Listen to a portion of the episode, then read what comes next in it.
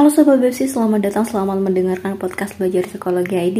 Di sini masih bareng aku Vita. Nah, di episode kali ini ada episode spesial nih, spesial bulan Ramadan. Oke, teman-teman lagi pada ngapain nih hari ini? Lagi santai sambil rebahan kah?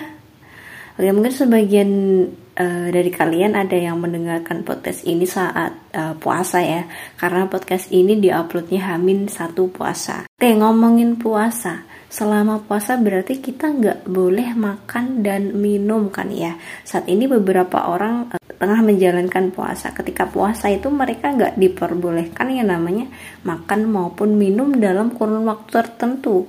Nah kira-kira gimana pengaruh puasa ke kesehatan fisik dan mental kita ya?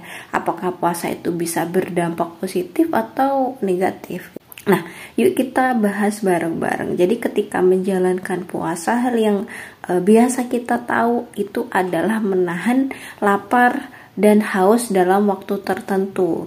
Namun dalam menjalankan puasa itu nggak hanya sebatas itu teman-teman. Jadi dalam beberapa agama, salah satunya agama Islam ketika berpuasa itu nggak diperkenankan untuk seperti berkata yang kurang baik, seperti mengumpat atau memaki dan lain sebagainya. Jadi ketika keadaan normal itu kita bisa makan uh, tiga kali sehari ya bahkan bisa lebih gitu. Sedangkan ketika berpuasa kita memiliki beberapa batasan yang uh, telah diatur. Maka dari itu perubahan aktivitas seperti itu bisa berpengaruh bagi tubuh kita gitu. Puasa itu bisa um, dilakukan sekitar 10 sampai 20 jam. Jadi selama waktu tersebut seseorang itu nggak boleh makan, minum dan beberapa pantangan lainnya. Meskipun ini ya dalam aktivitasnya itu kalau orang awam itu kayak ngelihatnya ekstrim gitu. Ternyata puasa itu dapat memberikan dampak baik loh ke tubuh kita. Puasa itu bisa melancarkan metabolisme tubuh sebagai detoksifikasi tubuh secara alami sampai bisa menurut menurunkan berat badan juga jadi puasa itu juga membantu untuk e, mencegah dari penyakit kronis seperti kanker maupun jantung gitu dan juga e, membantu mengontrol gula darah dan menurunkan kadar kolesterol di darah. Nah, selain itu puasa itu juga mampu meningkatkan fungsi dan struktur otak yang mampu mencegah masalah contohnya kayak Alzheimer dan Parkinson.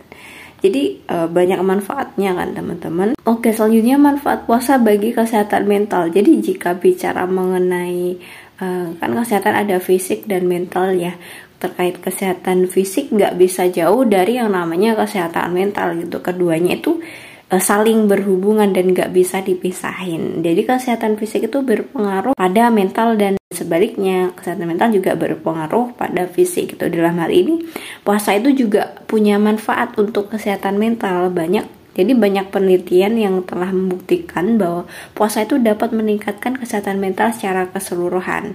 Nah, ini kita bahas satu-satu ya. Yang pertama, puasa itu dapat mengurangi stres. Jadi, ketika puasa seseorang itu tanpa sadar dia itu memperbaiki pola makannya. Misalnya agak uh, agar kuat puasa itu maka ketika pagi harus sahur terlebih dahulu ya. Pola makan baik akan uh, menjaga hormon yang namanya kortisol. Hormon kortisol itu bisa mengurangi yang namanya stres Selain itu, tubuh itu juga lebih banyak memproduksi hormon endorfin. Endorfin, hormon endorfin ini juga berpengaruh dalam mengurangi stres. Jadi uh, sebenarnya nggak hanya itu ya jadi banyak hormon-hormon lainnya contohnya kayak serotonin terus NGF dan juga ada BDNF yang bisa membantu uh, membuat mood kita naik lagi kayak gitu terus yang kedua ada memperbaiki kualitas tidur. Orang yang berpuasa itu biasanya menghindari kayak melihat TV ataupun sosial media kan ya sampai uh, larut malam itu kayaknya uh, jadi jarang gitu. Soalnya besoknya kan mau sahur jam 3an gitu. Jadi harus apa namanya tidur lebih awal gitu.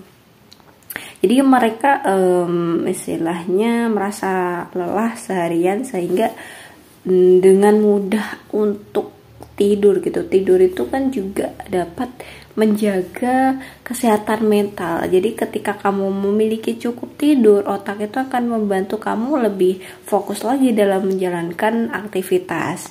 Dan sebaliknya tidur yang kurang itu bisa memiliki dampak negatif. Salah satunya kurang tidur juga bisa menyebabkan kesulitan mengingat pada hal-hal di sekitar kita kayak gitu.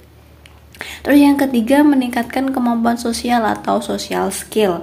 Jadi banyak um, tradisi yang dilakukan selama puasa biasanya ketika buka puasa gitu ya uh, keluarga atau teman-teman itu berkumpul untuk uh, biasanya berbuka puasa bareng gitu.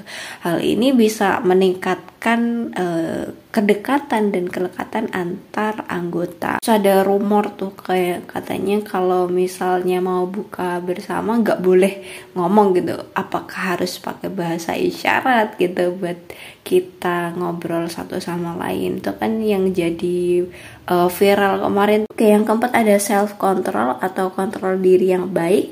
Jadi berpuasa itu bukan hanya menahan lapar dan haus aja. Jadi ada beberapa pantangan yang nggak boleh dilakukan. Contohnya um, kayak berkata kasar atau marah berbohong terus um, ngerokok juga nggak boleh sampai uh, hubungan seksual pun juga nggak boleh gitu waktu puasa. Jadi semua aktivitas kita itu sebenarnya udah ada di uh, dalam kontrol kita. Kita sebenarnya bisa memilih untuk melakukannya atau enggak.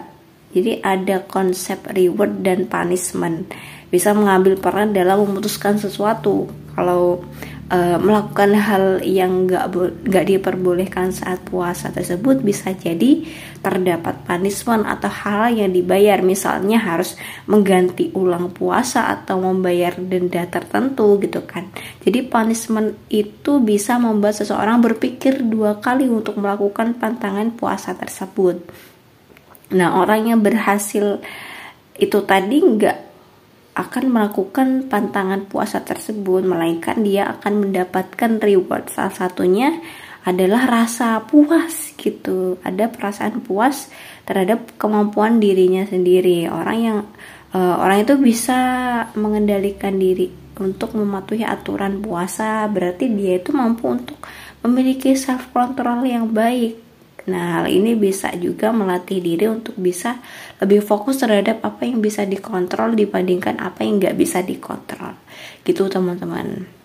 Mungkin segitu aja terkait podcast kali ini episode spesial Ramadan. Kalau teman-teman ada saran ke teman silahkan komen di DM. Oke mungkin segitu aja podcast kali ini sampai bertemu di episode selanjutnya. Terima kasih.